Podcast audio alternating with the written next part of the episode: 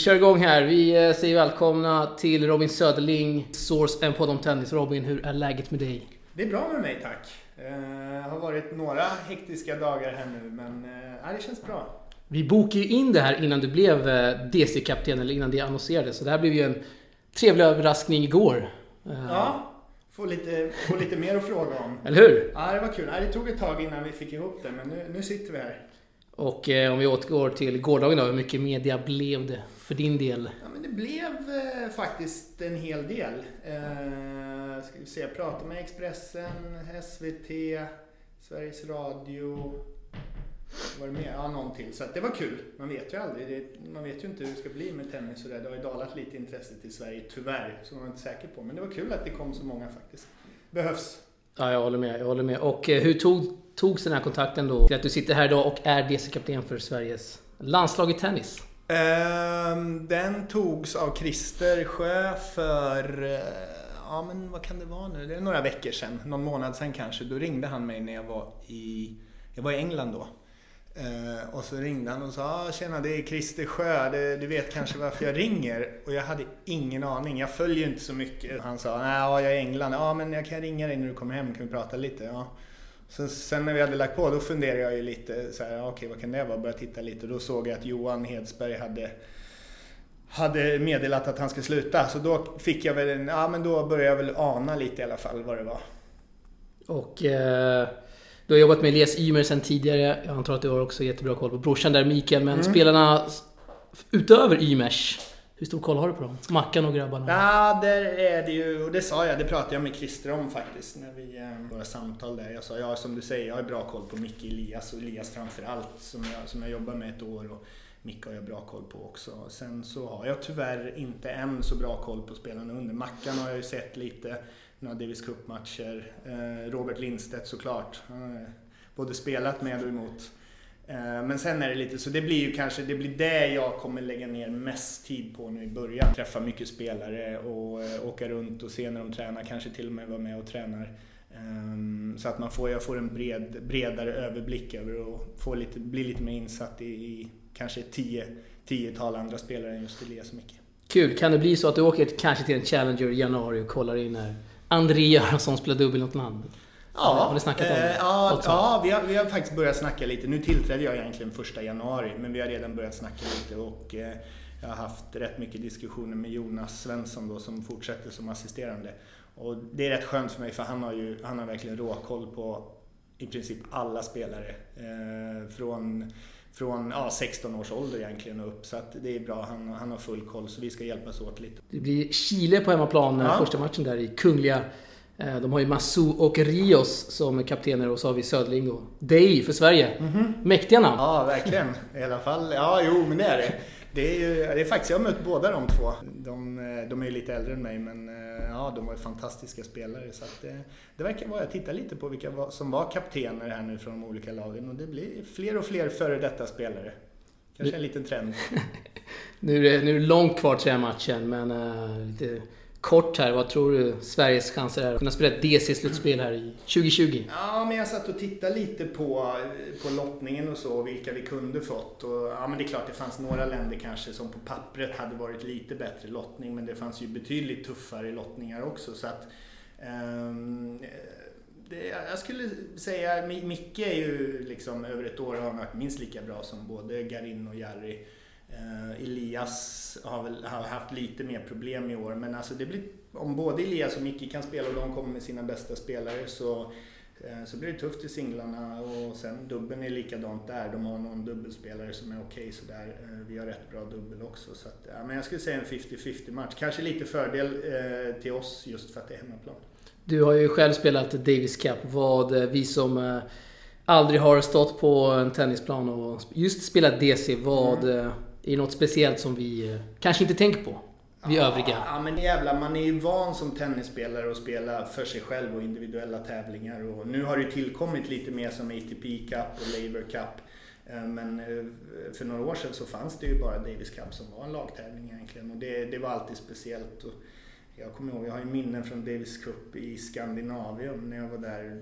Kan det ha varit? Sverige mötte USA 90 96 någonting sånt där, 97. Jag sprang runt och, och samlade autografer och det var ju så jäkla stort. Sen har jag ju fått, ja också ett rätt jobbigt minne från Davis Cup. Första gången jag gjorde debut i Australien på bortaplan 2003 tror jag att det var.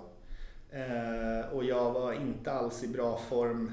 Hade egentligen precis slagit mig in på, på topp 100. Och jag fick, möta, fick den otacksamma uppgiften att möta Hewitt i första. Jag spelade, wow. Ja, det var riktigt tufft. Jag spelade så dåligt. Jag fick stryk i tre raka. Det var ingen... Eh, jag kände lite där, jag sa det till Mats Wilander då som var kapten efter. Fan vad du offrar mig här alltså. det var taskig. Men det var en bra, det var en lärorik upplevelse.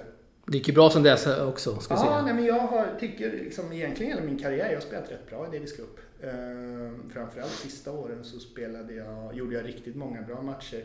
Tyvärr hade vi lite tunt lag då på slutet. Det var, det var ofta, antingen vann vi 3-2 eh, eller så förlorade vi 3-2. Vi hade svårt att vinna på andra singeln. Jag vann mycket matcher men det var, eh, nej, det var tungt. Det var många där. Vi räddade oss kvar och sen torskade vi första så räddade vi oss kvar. Det var så i flera år så det var lite synd. Eh, sen var ju Pimpin faktiskt tillbaka där i eh, Borås tror jag vi spelade mot Ryssland och gjorde det jäkligt bra. Slog Gabashvili och då slog vi faktiskt Ryssland. Jag slog Andrejev. Um, och Pimp, jag snackade med Pimpen där och han var, han var jäkligt sugen och nu skulle han satsa. Då, var det, då fick jag ändå lite så här, men fan vi kanske kan gå en bit i Davis Cup nu. Sen tog det bara några veckor sen meddelade att han slutade så att han kom på andra tankar. Wow. Vi ska snacka lite om din spelarkarriär Robin. 10 mm. ATP-titlar i karriären som bäst rankad fyra i världen. 10 eh, miljoner dollar inspelade i prispengar. Stämmer den siffran? Uh, jag har inte, har inte räknat, men uh, ja det gör det säkert. Om den är från ATPs eh, officiella så stämmer ja. den säkert. Två finaler i Franska öppna 2009 och 2010. Vad säger jag lite kort om din, din spelarkarriär? Hur väljer du att summera den? Ja men... ja, svårt. Ehm, ja, på något sätt känner jag att Ja, men jag, är, jag är stolt och nöjd. Jag vet, vad, jag, vad jag vet, jag gjorde mitt bästa ofta. Jag, eh, jag försökte alltid ge alltid 100, 100% i alla situationer, både på match och träning och det är jag stolt över. Samtidigt så känner jag att jag kunde nog ha kanske slagit igenom på riktigt och klättrat upp till topp 10 något eller två år tidigare än vad jag faktiskt gjorde. Längre tid för mig att mogna och liksom verkligen förstå vad det var som behövdes göras. Framförallt på den mentala biten och sen såklart är det tråkigt att, att jag spelar min sista match som 27-åring. Det var ju inte planerat. Jag hade ju tänkt att, att spela många år till. Den i Båstad mot Ferrer. Ja, när du fullständigt körde över honom, kan man säga så? Ja det, ja, ja, det var en otroligt bra match och jag brukar säga att det är inte så många som eh, får spela sin sista match och avsluta med en vinst. Det är, jag och Sampras kommer jag ihåg, han vann ju US Open där och sen la ner. brukar jag skoja om. Så att, nej, nej men det var, jag var i otroligt bra form. Det var, ett, det var hela det året var egentligen rätt tufft för mig. Jag började jättebra, sen hade jag en rätt tuff period där jag var riktigt sliten och sen eh, hittade jag formen igen i Båstad tyvärr så blev det min sista match. Vi har en lyssnarfråga just kring det ämnet. Ja. Har, du, har någon, från Mr Magic här på Twitter, har du någon ångest att det, du var tvungen att sluta så pass tidigt i din karriär? Uh, ångest är ett ganska starkt ord, det känner jag inte. Men absolut, jag, uh, jag kan tänka på det ibland. Uh, det är bättre nu och mindre nu. Jag har väl liksom ändå förlikat mig med det. Samtidigt, det var otroligt tufft de första åren ja, egentligen tre, fyra, fem år tog det nog egentligen. När man, det var tufft för mig att se tennis på TV. Man såg de här spelarna eh, som man hade mött bara något år tidigare. Och jag kommer ihåg det var någon gång jag såg Silic, Nishikori i Grand Slam-final i eh, US Open. US Open stämmer och så Wawrinka vann. Och det var sådana här spelare jag kände, fantastiska spelare, men jag hade plusstatistik på dem och jag kände någonstans att när jag slutade så var jag nog Ja, men jag, jag, kände mig lite som jag var snäppet före dem och sen några år senare så vinner de Grand Slam-tävlingar. Det var, det var tungt. Det är klart att tankarna kom upp att fan, det skulle jag vara. Det grämer lite alltså att du inte fick den där Grand Slam-titeln? Ja, ja, men det gör jag absolut. Det var ju mitt stora mål. Och jag kände på slutet av min karriär så kände jag ändå att varje gång det var dags för de stora tävlingarna, Masters-tävlingarna och Grand Slam-tävlingarna så kände jag ändå att jag hade chansen att vinna. Eh, jag var inte favorit, men jag kände ändå att det finns en teoretisk chans för mig att vinna de här stora tävlingarna. Det kände jag inte i början på min karriär. Då kanske man tittade liksom och såg att ah, en fjärde omgång här vore riktigt bra. Eh, på slutet kände jag att varje gång det var dags för en Grand Slam då kände jag att ja, men det finns en möjlighet att jag kan vinna och det var en jävligt skön känsla. Eh, men tyvärr så, så hamnade jag lite kort några gånger. Två finaler. Var... Två finaler, det är inte ja. illa pinkat det heller. Nej, det är okej okay, men jag var, jag var inte ens nära i någon av dem så att det, det kanske hade varit tuffare om man hade förlorat i fem set. Båda de finalerna var ingenting att säga om. Så att... Mötte Federer och Nadal ja. i dessa finaler. Ja, som fortfarande håller på nu. Ja, det är helt sjukt. Ja, var ska jag börja? Med mina finaler eller med eh, deras karriärer? Uh, ja, det var ju tufft såklart. Det ska vara tufft i en Grand Slam-final. Uh, första året mot Federer så... Uh, ja, men den, den torskade. Jag var inte riktigt förberedd på det. Jag hade gjort många bra matcher. Det var långa veckor. Och liksom, jag spelade min första Grand Slam-final. Uh, han spelade väl sin hundrade typ. Han, han var rätt mycket mer varm i kläderna där och rätt mycket mer van vid den där situationen. Ehm, så det blev lite överväktigt för mig. Andra året så eh, kände jag mig ändå tryggare men jag var mer fysiskt sliten andra året. Ehm, jag kände det var också två riktigt långa veckor men eh, nej, egentligen kom jag inte upp i nivå i någon av dem men inte långt ifrån säkert det hade räckt ändå. Vi kommer, jag kommer rabbla upp några namn här nu som på något sätt kan koppla, kopplas ihop med din karriär. Du får mm. prata exakt hur mycket eller hur lite du vill. Ja. Vi börjar med första, Rafael Nadal. Ja, vad ska man säga? En fantastisk tennisspelare. Ehm, en helt otrolig kämpe. Det är väl liksom en av de spelarna som, eller i princip den enda spelaren som jag kände att matchen var aldrig klar var det än stod man kunde känna, även jag mötte Djokovic några gånger när jag vann och Federer, man kunde känna att jag minns jag mötte Djokovic en gång i Masters, vann första set, fick break i andra och man känner den här lilla tendensen till att de viker ner sig.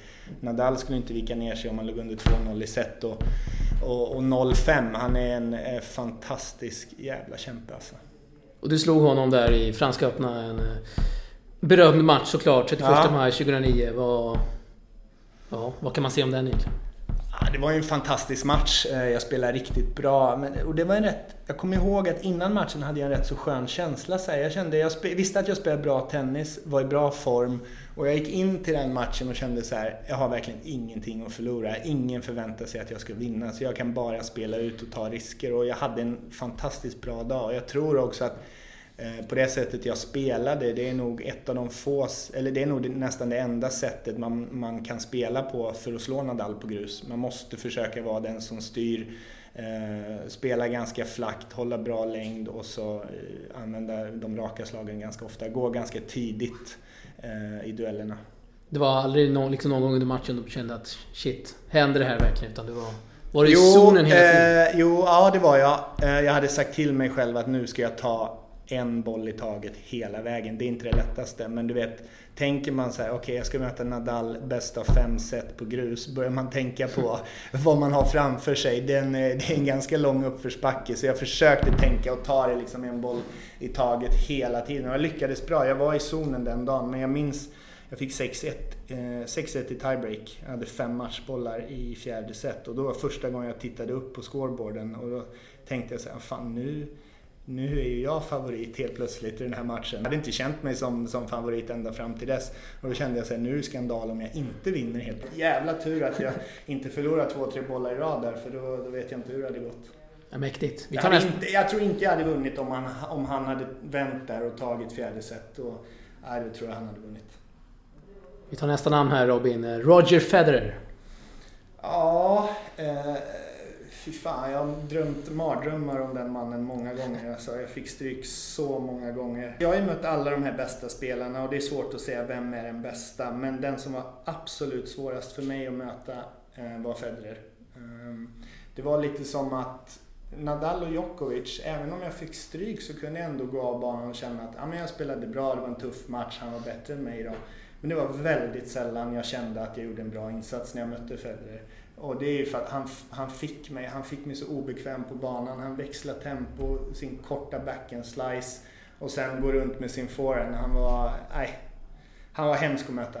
För mig. förstår jag. Eh, det här är lite inside, så jag vet inte om det stämmer, men du får ja. väl eh, bekräfta eller dementera detta. Just angående Federer, stämmer att poletten föll ner för dig under en tävling när du träffar Federer i omklädningsrummet och han berättar att allt inte hela tiden känns perfekt på banan? Och sen efter du fick höra det så har du klättrat massivt på rankingen. Ja, nej men ja, det finns faktiskt en, en historia om det. Eh, jag tror att en, en stor anledning till att jag liksom tog det här sista steget från kanske 20 i världen till bland de 5-10 bästa i världen. Det var just det mentala. Jag tror inte jag var en bättre tennisspelare, forehand, backhand, serve, eh, när jag låg 20 i världen mot när jag låg 5 i världen. Utan det var det mentala. Och jag, jag var otroligt frustrerad länge under många år i min karriär när jag inte fick ut det jag visste att jag kunde. Eh, och just det, jag pratade med Federer, det är en historia. Han eh, det var US Open tror jag. Jag hade spelat första omgången. Eh, jag hade spelat första omgången, han också. Vi kommer tillbaka samtidigt i omklädningsrummet för, ungefär. Och så tittar man ju på de här stora skärmarna då med alla resultat och så ser man, jag kommer inte ihåg vem man hade mött men han vann ju ja, tre raka liksom som vanligt. Och så, han hamnar på bänken bredvid mig och jag säger grattis och han säger väl samma sak. Och sen frågar jag, alltså, hur kan du spela så bra jämt? Frågar jag. Och han, och han kontrar med, nej men alltså jag spelar nästan aldrig bra. Och jag fattar inte, jag fattar inte vad han menar först, men han skämtade med och garvade. Han sa jag förstår vad du menar. Jag vinner mycket matcher, men du frågar om jag, om, om jag spelar bra jämt. Han sa det är väldigt sällan man känner att man spelar bra. Och det var ju precis det jag hade känt. Ehm, och jag är ganska säker på att pratar du med Djokovic eller Nadal eller vem som helst, hur många matcher under en säsong är du riktigt nöjd med? Ja, men det kanske är 10 procent. Det är liksom, och sen är det ganska många 50-60% som det känns okej okay, och sen har du några matcher där det bara är att kriga sig igenom. Och när, liksom, när jag kände, okej okay, till och med Federer som är världsetta tycker att han spelar ganska dåligt många, många gånger. Så kände jag, då, då, då liksom på något sätt accepterade jag det och slutade kämpa emot utan istället försöka göra det, utan jag började försöka göra det bästa av situationen det jag hade för dagen. Och det, det hjälpte mig jäkligt mycket. Det var som att jag nästan gav upp och kämpade mot att alltid vara tvungen att kännas perfekt. Hur många matcher kan du på rak arm säga i din karriär att du har känt att just att allt har stämt? Mm. Ja, det är nog kanske inte mer än tio, skulle jag säga. Då har jag i och för sig höga krav, men som jag kände, det var några i Båstad, både mot Berdych och Ferrer var riktigt bra matcher. Minns jag mötte Mirni en gång i Memphis 2005, 2006 spelade sjukt bra. Jag tror det var en första omgång så det var ju här var roligare om det var finalen kanske. Och sen är det väl några till men det är, ja, jag spelade bra mot Federer i Paris också 2010. Eh, men det, nej, det är inte så många.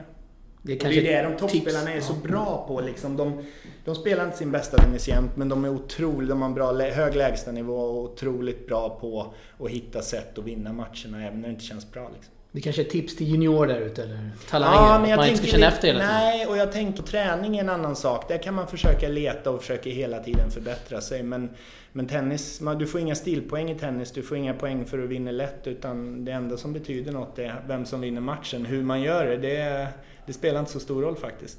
Vi tar nästa namn här. Novak Djokovic. Ja, men jäkla skön kille. Han, jag gillar Novak. Han är jäkla trevlig. Eh, bra han är väl kanske en av de få toppspelarna som är riktigt bra förlorare skulle jag säga. Mycket bättre än vad jag någonsin var. Mycket bättre än både Federer och Nadal faktiskt. Eh, jag gillar Djokovic och en fantastisk tennisspelare. Det är liksom... Nadal och Federer i all ära, men någonstans så när Djokovic har spelat, när han har haft sina år när han har spelat 2011 och var det 2015 också när han var så överlägsen. När han spelar sin bästa tennis, då tror jag inte inte att någon någonsin har spelat bättre. Alltså. Det är som att det var omöjligt att slå killen.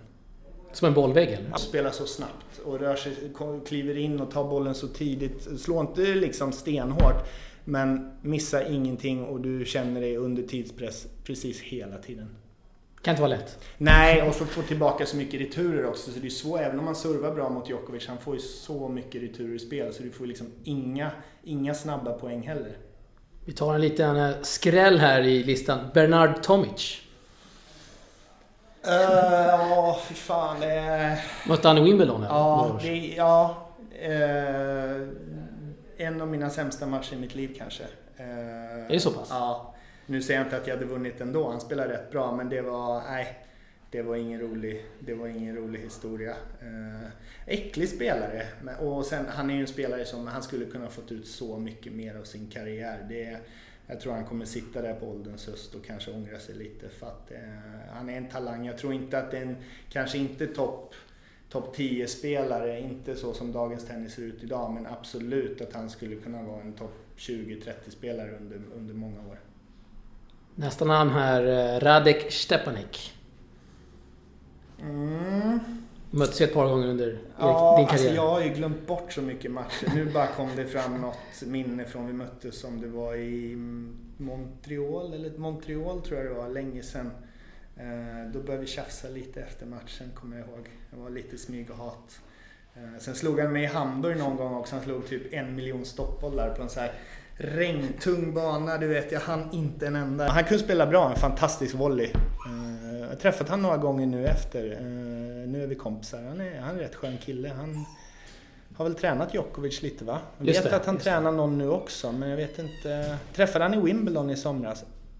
Då var han där med någon. Var det med Dimitrov kanske? Ja, det var det nog. Det stämmer. Jag för mig det. Ja. Du nämnde att det var lite, lite smyghat. Eh, var det så under din karriär att man på banan så var man inte... Ja men det var ju liksom liv och död och sen utanför kanske man... Eh, ja, men var lite ja. mer vänner så. Alltså, är, ja, det kanske måste vara så också? Eller? Nej, det är nog olika hur man är som person. Eh, jag var nog sån. Jag jag tänkte nog inte så mycket på när jag var på banan hur folk uppfattar mig och ibland när man har sett utanför så här, när man har lugnat ner sig och, och kanske sett matchen i repriser och man bara nej, det där var inte snyggt. Men jag har samtidigt aldrig heller känt att, och det är, det är såklart liksom att det är spelare som uppfört sig eh, på samma sätt mot mig. Men jag har samtidigt aldrig känt att jag har varit långsint. Liksom. Jag har tjafsat med spelare men jag har aldrig gått och varit sur efteråt. När jag har lugnat ner mig, jag vet att du vet, jag vet någon gång jag hade någon hatmatch mot Korea i US Open, du vet han han, varje sidbyte fick man höra vilken puta man var och min mamma var både det ena och det andra. Lite spanska ord fattar man. Och du vet, jag var helt vansinnig. Men sen när jag lugnade ner mig efter matchen och tänkte så här, det kunde ju nästan varit jag som hade sagt samma sak till honom. Så då brukar jag kunna släppa det liksom. Nu hoppar vi mellan namnen här, men det finns ett klassiskt klipp där med, mot Nadal i Wimbledon. Har du, jag antar att du har sett klippet i efterhand? Uh, ja, uh, har varit svårt att undvika. Uh, och när ja. du ser det klippet då, vad känner du då? Känner du att fan, nej? Nej, jag känner, ja, jag känner fan det var lite onödigt att göra den på centercourten i Wimbledon. Samtidigt så var jag inte så jäkla arg. Det var, ja, jag var lite förbannad honom, för jag kommer ihåg att det var nog ganska sent in i matchen, om det var i fjärde eller femte set. Frustrerad på att han tog otroligt lång tid på sig. Jag hade fått vänta på honom hela tiden. Så kommer jag ihåg att det var efter ett sidbyte. Jag uppfattar inte att det är nya bollar. Och så säger domaren nya bollar och jävlar jag har inte bytt racket tänker jag. Så jag visar till honom och liksom ber om ursäkt. Och då blev han lite sur på mig att han fick vänta och då brann det till i skallen liksom. Jag bara, men vänta nu jag har väntat på dig 200 gånger här, du får vänta en gång. Så då, då körde jag den där. Och jag tänkte inte så mycket på det efter, men det var, jag märkte ju sen på presskonferensen, det var ju det enda de ville fråga om. Och då förstod jag, ah, okej, okay, ja, nej det kanske inte var optimalt gjort. Eh, vi har fyra namn kvar här. Eh, Jonas Björkman. Ja, eh, en bästa dubbelspelaren som jag någonsin har spelat med och jag skulle nog säga att han är alltså definitivt en av tidernas bästa dubbelspelare. Till och med jag vann en ATP-titel i dubbel och det var inte min förtjänst kan jag säga. Det var, var i Båstad va? Ja, alltså det var helt sjukt vad bra han var. Vilken volley, vilken första volley. Det är en fantastisk spelare. Och han var ju en av mina stora idoler när jag var liten. Jag kommer ihåg det var 97 han var så fantastiskt bra. Det var då jag var där på Davis Cup. Uh, det är en, en, fantastisk karriär. Han har fått ut, han är en av de spelarna som om man jämför med Bernard Tomic så är han väl totalt tvärtom då. Han har väl fått ut absolut max av sin tenniskarriär och det är en jäkla styrka. Häftigt. Nästa namn här, Pim Pim. Pim Pim. Många träningspass. Vi började ju uh, att resa med varandra i Team Catella där hade förbundet en satsning. Det finns väl kvar kanske? Ja, det finns kvar. Ja. Eh, det var jag, han och Filip Pripic. Eh, många träningar, eh, mycket rivalitet men han är också en sån här spelare. Jag tror, inte, jag tror inte riktigt... Det är många tror jag som inte förstår hur bra han var när han spelade riktigt bra. Alltså, han var fullständigt omöjlig att breaka i princip. Och eh, han blåste, så fort det var andra så kommer jag ihåg, han bara blåste på returerna. Man fick ingen rytm alls. Så att liksom, det var som att, det spelar inte så stor roll hur jag spelar. Jag kan slå honom och spela dåligt, jag kan förlora om jag spelar hur bra som helst. Det var, det var stressat att möta honom för jag kände att det var Ofta i mina matcher så kände jag att ja, men det var jag som styrde spelet och det var lite upp till mig. Men mot Pimpim några gånger eh, så kände jag nej det här är inte upp till mig, det är upp till honom. Eh, Elias Ymer? Eh, jäkla skön och snäll kille. Eh, genomsnäll kille. Eh, jobbar väldigt, väldigt hårt. Eh, vill verkligen bli bra i tennis. Eh, försöker varje dag. Eh, och har tagit kliv framåt. Eh, sen har han lite saker som han behöver förbättra, vilket han har gjort. Men för att kanske ta det här sista steget och slå sig in på topp 100, kanske till och med på topp 50, då måste han eh, förbättra vissa saker. Eh, vilket han, vilket han vet om och det är roligt att se att han jobbar hårt på för att göra det också. Du jobbade ju med han som sagt där, ditt första tränaruppdrag. Eh, hur ser du på den, den tiden? Han, det var ju bra tid för er ska vi säga. Han klättrade ja, många platser. Ja, men det var... Jag hade ett jäkligt roligt år. Det var, det var väldigt kul. Några tävlingar där, det var i Moleron när vi var, då var jag faktiskt riktigt imponerad. Då gjorde han en riktigt bra insats. Spelade bra hela tävlingen igenom.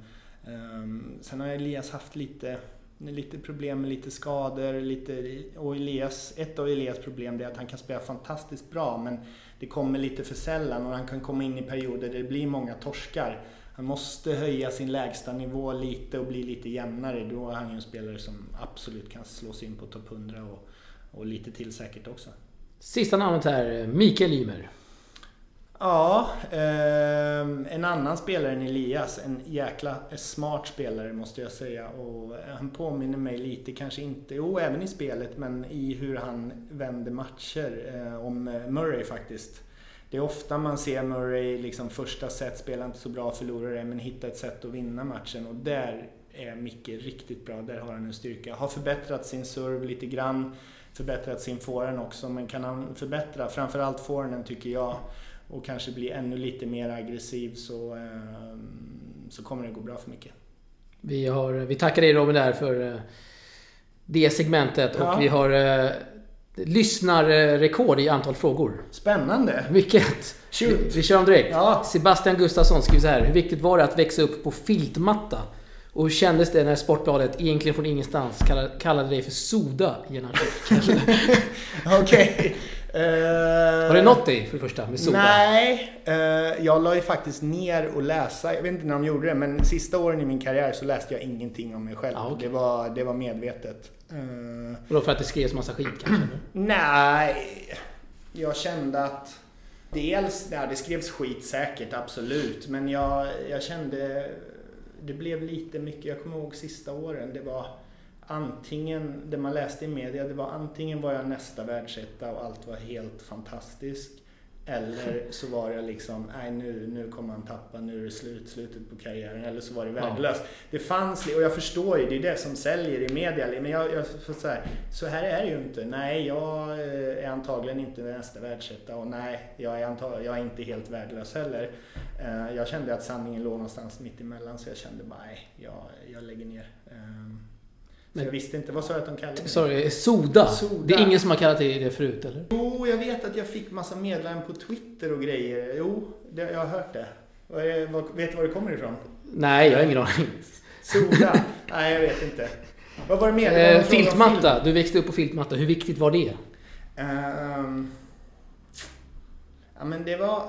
Jag tror att jag växte upp på ett jävligt snabbt underlag. Eh, trots det så har jag ganska stora svingar och Ehm, ja, men, och jag spelade ofta, nästan hela min karriär när jag växte upp eller som barn och äldre så spelade jag alltid med äldre spelare och de som var lite bättre än mig. Så jag lärde mig att spela i ett ganska högt tempo på snabbt underlag. Ehm, så därför har jag alltid varit ganska tidig i förberedelserna. Jag tror att det var bra och sen var det bra att man fick spela på grus lite också eh, några månader om året. Så kombinationen där var nog, var nog rätt bra. Men det som var bra var att jag växte upp i en ort som i, visserligen bara hade en tennisbana, men det var inte svårt att få tider ändå. Kunde spela jäkligt mycket tennis. Eh, nästa fråga här, Zlatla Terek. Vad är prio att utveckla med landslaget? Eh, Ja, men nu är det ju lite så här, det är lite skillnad att jobba med en individuell spelare och så. Nu jobbar man med ett lag, med, med flera individer som måste funka i ett lag också. Alltså prio är ju att få dem att prestera riktigt bra eh, de veckorna det är dags för Davis Cup, liksom ge dem förutsättningarna. Sen så kommer inte jag vara, alla har ju sina egna tränare, jag kommer finnas som ett komplement till det här och försöka Eh, både tillsammans med, med spelarna och, och deras tränare ge lite råd och tips vad jag tror att de, kom, vad, vad de kan förbättra. Men prio är ju såklart att få ihop laget och se till att de, de spelar riktigt bra under Davis Cup-veckorna. Tony Jakisevic här. Hur ser relationen ut med Nadal? Hälsar ni på varandra om ni syns eller ses? Ja, det gör vi. Jag har träffat han. Jag har rest på en hel del tävlingar, både dels med Elias och sen så reser jag lite på de stora tävlingarna nu. Så att ja, då, vi, vi hälsar. Ja. Eh, han var nog lite mer långsint eh, än vad jag var men eh, det känns som att han har kommit över det. Vi har dock inte pratat om den här kalsongincidenten än och det kommer vi nog aldrig göra men ja, då, vi hälsar och snackar några ord. Nästa fråga här. Right to dream. Du, du har kanske snuddat den här frågan redan men Förklara varför Federer är världens bästa tennisspelare genom tiderna och den jobbigaste att möta. Jag vet att Söderling vet, skriver. Okej. Okay. Nej, men det var lite det jag var. För mig, absolut för mig eh, så var han den jobbigaste att möta. Eh, jag fick aldrig, eh, som jag sa, han, han mixade upp spelet så jäkla bra. Han visste precis hur han skulle få mig att spela dåligt. Jag fick aldrig någon riktig rytm. Men egentligen när jag slog honom i Paris då gjorde jag det egentligen för det var otroligt regntunga banor och ganska långsamt så han fick inte sån utdelning på det här snabba spelet utan det kunde vara jag som styrde. Tittar man på antalet eh, turneringssegrar och Grand Slam-vinster så är han det men jag är inte säker på att när Nadal, Federer och Djokovic karriär avslutas att det är Federer som, som kommer ha vunnit flest Grand Slam-tävlingar. Vill du... Har du någon spaning där? Vem du tror? ja, tror du Djokovic går om? Alltså nu är Djokovic har 16 va? Är det så? Ja, jag tror, jag att, jag tror att det är 16, 19, också, 20 ja. och det är ju faktiskt en bit. Det är fyra Grand Slam. Just nu skulle jag säga att Nadal är nog närmast ändå. Framförallt, ja, jag tror att han, han kommer vara favorit i Paris om han är skadefri. Det är en och sen så har han ju chansen att... Det beror, jag tror att det här året kommer att avgöra ganska mycket. Federer har väl kanske någon liten chans att vinna Wimbledon och sådär. Men jag tror inte Federer kommer få mer än max 21. Så att jag, Ta Djokovic två det här året och säga Djokovic. Men just nu så tror jag Nadal har lite fördel. Mattsson Bilder, har du ändrat något i åsikten om tennisspelet sedan du blivit coach? Um, nej, inte egentligen. Uh, du menar, vad menar han? Alltså tennisspelet, mitt eget spel? Eller jag tror han menar typ, ja, men typ generellt. Uh... Nej men tennisen går ju mot alla är, blir bara mer och mer atletiska. Eh, alltså, jag tror att man kommer se det. De, de tennisspelarna som kommer komma fram nu, de är ganska långa men trots det så, så rör de sig riktigt, riktigt bra. Om du tittar på Medved, Medvedev, Zverev och de här killarna, Tsitsipas. Eh, långa, nästan två meter, eh, rör sig fantastiskt bra med, med, med en bra serv. Så, att, eh, så kommer nog nya tidens tennis se ut. Erik Aremunga här. Hur många AP har du? Då antar jag att han syftar på klockor, något Aha. klockmärke. Uh, jag har... Uh, jag har nog... Vänta. AP? Nej, jag har nog bara faktiskt en AP. Bara. Jag har en AP. Jag har dem i mitt vapenskåp hemma. Jag, jag borde sälja alla klockor. När man plockar fram någon som har du vet, som man inte använt på ett tag. Då får man åka in med den. Har den stannat får man åka in med den på servicen. Så åker man på 20-30 tusen där. Bara på att serva skiten. Så att, nej, jag ska, jag ska sälja av. Men det är sant, jag hade ett intresse, eller har fortfarande, men jag hade det framförallt när jag spelade. Då, då köpte jag en del klockor, tyckte jag var kul. Nu är det mest jobbigt. Förstår jag. En till fråga här från Moge. Ångrar du att du kastade upp ditt racket i publiken efter att du vann mot Rafael Nadal i Franska öppna?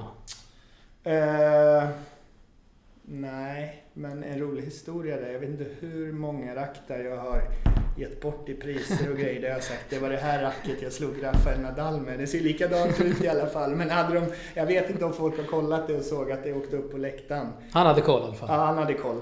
Nej, det gjorde jag inte. Det, det har jag inte tänkt på faktiskt. Och eh, väldigt många som har just frågat den här frågan. Vad åt du till frukost innan du vann mot just Nadal? Minns du det? Ja, det är många år sedan. I Paris? Ja. Nej, jag kommer fan inte ihåg alltså. Jo, jag vet att jag käkade jäkligt mycket apelsiner då på morgonen. Och det var, jag vet inte om det var framgångsreceptet men nej, jag, ofta var jag ju sådär att eh, man hittar någonting som funkar liksom. Om man vann första omgången då blev det ju väldigt lätt att man körde på samma grej hela tiden. Det var samma frukost, samma dusch i omklädningsrummet, samma lunch och samma middag ända tills man torskade. Då provar man något nytt sen liksom. Hade du någon sån här sjuk eh, ritual som du minns? Nej, jag hade, jag hade en hel del ritualer men inte någon så här sjuk. Eh, Det var no, alltså att jag alltid knöt skorna på banan. Det hade jag hela min karriär. Sen bytte jag lite så här. ehm, Hade det gått bra på en tävling så ville jag alltid ha samma dusch. Det spelar ingen roll om det var tio lediga och det var en som var upptagen. Var den. Då, stod då stod jag där och väntade tills den var klar. Men jag bytte lite men om man tittar noga så här, man ser ju många spelare som har olika saker för sig. Nadal, Nadal, ja, framförallt. det, är, det är helt sjukt. Han har så mycket grejer för sig. Flaskor, ja, det är och även byxan. i omklädningsrummet. Och, ja, det, är, det är mycket saker. Wow, det är fler saker alltså som vi inte vet. Ja, det är Otroligt. det nog. Hyvel Rille här, hur mycket vägde ditt racket och hur hårt strängade du som, eh, ja men oftast? Det väger 363 gram. Eh, Det är ganska mycket. Ja, det är rätt tungt. Och sen är det, det är ganska balansen eller rätt långt fram. Det här borde du fråga Hank om. Ja, han, har väl, han har väl full koll på... Vi snackade igår, jag Ja. tror han nämnde det här. Ja. Vad stämde det då? 363? Jag tror det, han, Ja. han sa den siffran. Ja, eh, och balansen var rätt långt fram så att eh, swingweighten blev ju väldigt hög. Ja, ja, ja, ja, jag hittade det och gillade det. Det kändes som jag fick lite mer fart. Ännu mer fart.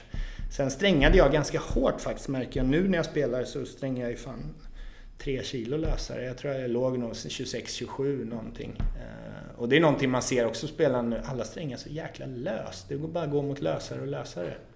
Nu minns jag faktiskt vad Hank sa som jag skulle ta upp här med dig. Ja. Han sa att du hade någon, någon typ av formgjutet grepp va? Som var speciellt för dig. Ja. Kan det stämma? Ja, det hade jag. Eh, Jag hade ju i början på min karriär hade jag sådana enorma problem. Då körde jag med läderlinda liksom och sen jag tyckte ju direkt med att man spelade lite, lite mer med ett racket så blev det, kändes det lite annorlunda. Jag, du vet, man reste med 10-12 racketar och kände att det var två man kunde spela med. Så till slut så löste vi det. Då tog jag ett, mitt absoluta favoritracket, så gjorde de som en avgjutning av greppet med läderlindan, Ja. med grundlindan på liksom. Och sen löste det sig så att, ja, det var riktigt bra. Vilken grej! Ja, nej, men det var skönt. Så kunde jag spela med alla rack där sen. Till fråga från Rivel Rille. Vad har du gjort med gamla matchtröjor, skor, rackets? Är det någonting du har sparat? Ehm, nej, jag har slängt allting. Allting? Ja, jag har... Racketar har jag. I källaren har jag typ 200 rack där som ligger i väskan. Men kläder och sånt har jag slängt. Fan, jag hade ju Lotto. Det var inget att spara på kan jag säga. Det, det åkte den dagen. Sågning till Lotta. Ja, ja, det var det faktiskt. Det var varken skorna tyckte jag var speciellt bra. Kläderna var otroligt, otroligt fula många gånger. Ehm, så att det åkte i en container på Lidingö soptipp. Dagen efter jag tog beslutet om att sluta. Men har du så här, eh, vad säger man, pokaler, troféer hemma? Ja, jag har i bokhyllan har jag mina två, jag fick såna här brickor i eh, Paris, eh, Roland Garros. De har jag, de andra står faktiskt hos mina föräldrar. Min pappa har ett så här rum i källaren, han är så här sportgalen, han sitter där nere i källaren. Men jag har aldrig varit så här sentimental med det. Den där brickan, eh, det var faktiskt en rolig historia. Jag var hemma för några år sedan och jag hade funderat på vad det är. Jag har hittat bara en bricka, jag borde ju ha en till någonstans men jag hittade aldrig den. Så här så här silverbricka. Så var jag hemma hos mina föräldrar med min dotter Olivia. Var vi där några dagar och sen så hade min mamma då, Olivias farmor, gjort, eh, gjort bullar. Så kom hon ut, saft och bullar till Olivia. Så kom hon ut med en silverbricka från köket. Jag bara, fan. Den där känner jag igen. Så såg jag så här, den hade så här, du vet, när silver oxiderat lite så skrapade jag. Fan, det här, är- här är den ju. Vadå? Ah, den har jag haft i köket. Jaha, är det din? Är det din? Så då tog jag den, putsade upp den. Så nu står båda i bokhyllan hemma faktiskt. Wow, saft och bullar alltså. Ja. Magisk, magisk story. den funkar, funkar som det också, serveringsbricka.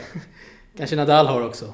Ja, han, nej, han har väl, såg någon bild någon gång, han har väl sparat alla sina priser. Det var så sjukt fint eh, rum, så här, nästan som ett museum på sin akademi tror jag. Ah, det, kan, jo, det, Ja. det stämmer ja, du har rätt. Det Nej, stämmer. så seriöst. Jag har inte lika många heller så att eh, mitt rum här blir betydligt mindre. Viktor Smith här, nästa fråga. Fanns det någon spelare du hade extra bra kontakt med på touren du var aktiv? Ja, Alltså såklart svenskarna. Eh, Jarkko Nieminen hade jag, han var ju typ som svensk, han pratade ju svenska till slut. Han hängde jag mycket med. Även amerikanerna. Eh, Mardy Fish, Roddick, de har jag fortfarande kontakt med idag. Bröderna Brian också. Eh, Bagdatis. Ja, skön, jävla skön kille. Eh, han snackar jag lite med ibland också på, eh, skickar lite sms. Jag träffade honom i London nu på slutspelet. Då var han där och kommenterade för grekisk TV. Just det. Han grät när eh, Tsitsipas vann också. Ja, gjorde han det? Han kunde inte prata. Är det så? Ja. Finns eh, Nej, starka nej, bilder. Ja, han är, han är grym. Han är en schysst kille. Han gillar vi. Uh, Victor Smith, en till fråga här. Vilka är de viktigaste bitarna att fokusera på för att nå hela vägen till världstoppen? Um, jag tror att det är, det är otroligt viktigt och veta vad det vara medveten om vad det är man behöver förbättra för att nå sina mål. Ehm, jag, jag har lite känslan ibland att juniorer, inte bara i Sverige, men att man går in och så vet man att man ska göra sina 3-4 timmar om dagen och man går in på banan men man vet liksom inte, man har inte något riktigt syfte med träningen. Man är där och spelar av tiden liksom. Man har sett, ja men bollar in och kör lite cross och sen spelar vi några elver. Ja vad ska vi göra? Vi kör lite poäng. Och det är liksom inte, man är där men man är inte där med ett syfte och många gånger kan man se att man kör övningar och det missas sju fåren i rad och det blir liksom ingen reaktion. Det ska ju liksom göra ont att missa även på träning. Ehm, så att det tror jag är väldigt viktigt och hela tiden ha ett syfte och jobba mot ett mål. Och ett mål jag hade långsiktiga mål men jag hade även kortsiktiga mål och de kortsiktiga målen var oftast spelmässiga, vad jag behövde förbättra för att nå mitt långsiktiga mål. Sista frågan här eh, Robin eh, från Mattias Yrgård. Vad behöver vi i Sverige göra för att få fram en topp 10-spelare på herr och damsidan? Tuff fråga. Ja, det är inte lätt. Eh, man ska ju tänka på att vi, vi är otroligt bortskämda i tennis, alltså i Sverige. Vi är ett av, historiskt sett ett av världens bästa tennisländer. Och vi är ändå ett litet land, liksom. vi är som en, en stad i, i Kina ungefär. Ehm, men, men jag tror att det gäller att få tennisen populär på något sätt. Ehm, och locka, kunna locka till sig de här riktiga idrottstalangerna, eh, pojkarna och, och, och, flickorna och få dem att välja tennis framför andra sporter. Och det är ju såklart lättare när man har någon stjärna. Ehm, då, blir, då skrivs det mer om sporten, den blir populärare i media och då vill barn, barn och ungdomar börja med sporten. Sen så gäller det att man, ehm, man är målmedveten och igen tränar med ett syfte eh, vet vad som krävs för att bli bra. Att man ganska tidigt talar om det för, för barnen. Det är många som säger så jag ska bli bäst i världen i tennis. Liksom. Men jag tror inte någon har en aning om vad det är som krävs. Och sen, eh, men det måste ändå komma inifrån. Jag tror det är viktigt att man visar dem vad det är som krävs och sen är det upp till dem själva för att jag tror att det är svårt att tvinga någon till någonting. Liksom. Det måste komma inifrån. Bra ord där. Det var sista frågan och vi tackar dig Robin för alla svar och alla våra lyssnare för alla frågor. Ja, tack. Och eh, du ska få en sista grej här, ja. sen är vi klara. Du ska få önska en låt som vi klipper in. En låt? Du får välja vilken du vill.